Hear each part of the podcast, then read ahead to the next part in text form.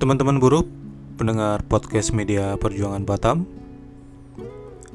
Berikut ini adalah wawancara dengan Bung Said Iqbal, Presiden KSPI, yang menolak uh, Undang-Undang Omnibus Law.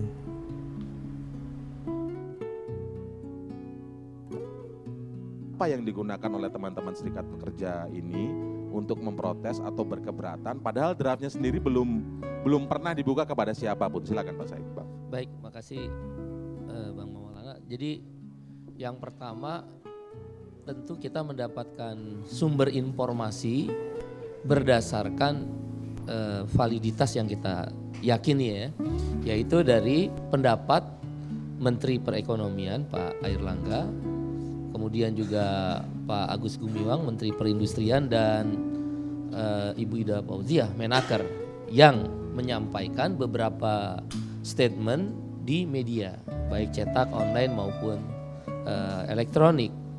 Uh, tentu kalau yang dan itu juga di media-media mainstream kan banyak diberitakan. Nah, dengan demikian kami berpendapat bahwa apa yang disampaikan setidak-tidaknya menggambarkan apa yang akan tertuang di dalam Omnibus Law nanti. Cipta lapangan kerja khususnya terkait dengan persoalan ketenaga kerjaan. Karena hal-hal lain kami tidak terlalu mendalami statement-statement itu eh, baik dari Menteri Keuangan Ibu Sri Mulyani tentang perpajakan maupun izin yang di kemudahan izin dan lain sebagainya kami tidak tidak mendalami itu. Kami fokus di ketenaga kerjaan. Kemudian kami cari tahu juga apa yang dipikir oleh kawan-kawan Apindo dan Kadin, organisasi pengusaha. Dari sana mereka punya pokok-pokok pikiran resmi yang dikeluarkan oleh Apindo Kadin. Nah setelah kami sandingkan pendapat tiga menteri ini dan uh, pokok-pokok pikiran Apindo Kadin kok sama. Artinya ini menjelaskan untuk sementara uh, diagnosa kami dari kawan-kawan serikat buruh khususnya KSPI ya inilah yang akan dituangkan di dalam Omnibus Law. Oleh karena itu kami membuat enam alasan kenapa menolak Omnibus Law tersebut dari sumber-sumber tadi. Pertama, eh, yang disebut dengan upah per jam. Kami berpendapat setelah dikaji ini akan menghapus sistem upah minimum yang berlaku selama ini untuk para buruh yang bekerja satu tahun ke bawah dan sebagai jaring pengaman atau safety net ya yang tertuang di Undang-Undang Nomor 13 Tahun 2003 tentang tenaga kerjaan. Dua, dengan dikenalkannya unemployment benefit oleh Pak Airlangga, Menko Perekonomian itu menjelaskan kepada kami setelah kita pelajari akan menghapus sistem pesangon. Walaupun belakangan e, dua hal ini di, dibantah. Bahkan kita udah ketemu langsung di hotel di salah satu hotel di Jakarta Selatan. Itu pertemuannya setelah keberatan setelah keberatan. sebelum? Difasilitasi oleh kawan-kawan uh, kepolisian dan bin ya pada waktu itu untuk bertemu dengan uh, tiga menteri ini ya tiga menteri. Termasuk beberapa Artinya sudah terjawab kemudian? Uh, tidak menjawab apa yang kami persoalkan. Tapi lebih karena waktu itu kita meminta dialog. Ya karena kan dari proses awal teman-teman uh, serikat buruh kan tidak dilibatkan. Kan Menko Perekonomian membentuk satgas Omnibus Law, Cipta Lapangan Kerja. Kan ada empat itu kan, teman yang kita fokus di Cipta Lapangan Kerja.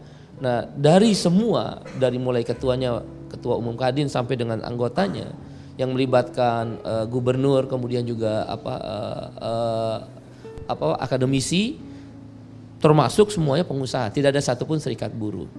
Itulah yang menjelaskan kepada kita ini undang-undang orientasinya apa. Kalau dia di klaster dari 11 klaster-klaster ketenaga kerjaan harusnya kan melibatkan teman-teman serikat buruh. Saya ILO governing body pengurus pusat International Labour Organization berkantor di Jenewa, badannya PBB Perserikatan Bangsa-Bangsa. Itu lazim kalau di sebuah negara industri kalau dia punya produk undang-undang tentang investasi pasti diiringi produk undang-undang perlindungan tenaga kerja. Selalu begitu, seluruh dunia. Karena memang keterkaitan antara tenaga kerja dengan investasi sangat erat. Karena dia nanti akan menggerakkan proses-proses produksi, proses-proses di perusahaan kan tenaga kerja. Nah yang ketiga catatan kami adalah dia akan membebaskan penggunaan karyawan kontrak dan uh, outsourcing di semua jenis produksi, di semua jenis uh, industri. Uh, padahal di Undang-Undang Nomor 13 kan dibatasi hanya lima jenis pekerjaan untuk outsourcing itu yang diperbolehkan. Cleaning service, driver, security, catering dan jasa penunjang perminyakan. Yang keempat catatan kami ini akan menghilangkan jaminan sosial, jaminan kesehatan dengan upah per jam, sistem kerja outsourcing dan kontrak yang dibebaskan. Bagaimana orang akan mendapatkan jaminan pensiun? nggak mungkin upahnya pasti di bawah upah minimum. Siapa yang bayar iuran jaminan kesehatan? Karena mereka tidak termasuk kategori di penerima bantuan iuran. Itu akan menghilangkan otomatis perlindungan itu. Otomatis. Otomatis. Siapa yang bayar? Kan berbasis iuran. Ya kan? Kemudian hal lain yang kami catat adalah eh, yang kelima yaitu menghapuskan efek jerak itu dengan kepada pengusaha yang nakal ya. Banyak pengusaha baik lah. Tapi tidak sedikit pengusaha yang nakal kan.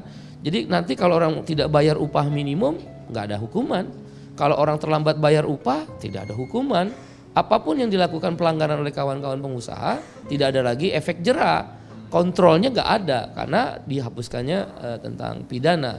Kemudian juga yang keenam yaitu tentang upah, menghapus upah minimum, menghapus pesangon, kemudian penggunaan outsourcing, kemudian apa namanya menghilangkan uh, apa uh, efek efek jerah dalam bentuk sanksi pidana, kemudian juga dari apa menghilangkan jaminan sosial, jaminan kesehatan dan uh, pensiun. Uh, satu lagi saya lupa ya. kira-kira. Tapi uh, begini, itu kan berangkat dari pokok-pokok pikiran. Iya. Artinya pokok-pokok pikiran itu tidak detil kan Pak? Betul sekali.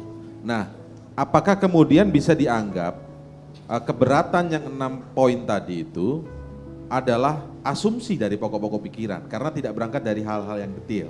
Ya. Bisa nggak itu disebut Pak. hanya sekedar asumsi? Kalau asumsi bisa dikatakan demikian karena memang kan harusnya kita menyandingkan draft yang disiapkan oleh pemerintah. Tapi sampai hari ini pemerintah selalu menyangkal bahwa sudah ada draftnya.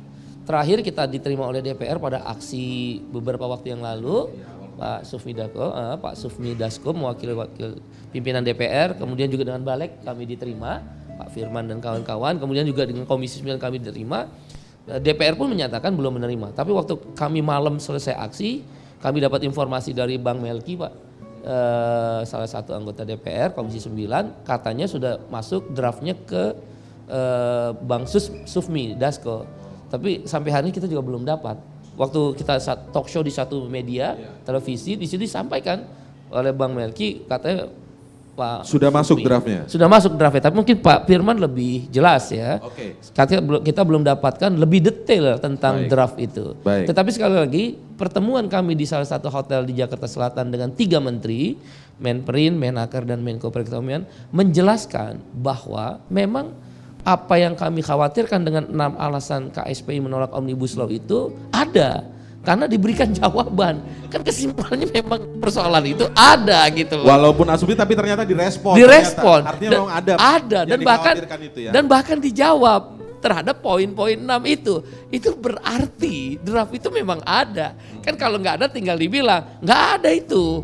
Yang dimaksud itu nggak ada, tapi ini dijawab okay. dengan argumentasi yang sesuai apa yang dipikir dan uh, yang sedang disiapkan oleh pemerintah. Jadi dan kalau aneh, misalnya pemerintah menjawab draftnya belum beredar yang seolah mau kemudian memframing bahwa yang keberatan ini adalah uh, tidak benar, asumsi tidak benar, tidak uh, bisa juga begitu ya? iya, ya. Karena dijawab dan kemudian beberapa waktu kemudian kawan-kawan pengusaha Apindo, ketua umum Apindo ataupun dari Kadin termasuk Satgas Satgas Omnibus Law itu yang dibentuk oleh Menko Perekonomian pun menjawab hal yang sama gitu. Oh tidak seperti itu maksudnya. Itu kan berarti ada ya kan.